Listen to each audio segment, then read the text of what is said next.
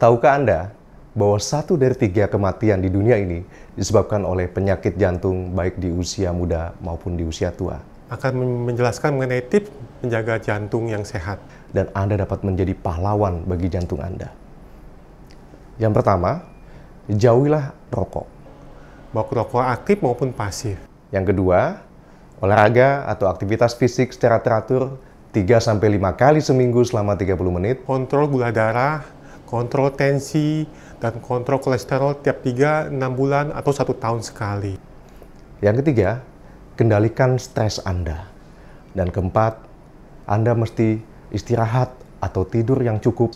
Yang kelima, jagalah berat badan Anda tetap seimbang.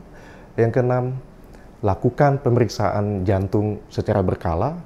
Dan yang terakhir adalah jagalah kehangatan keluarga Anda. Mitra Keluarga, Life, Love, Laughter.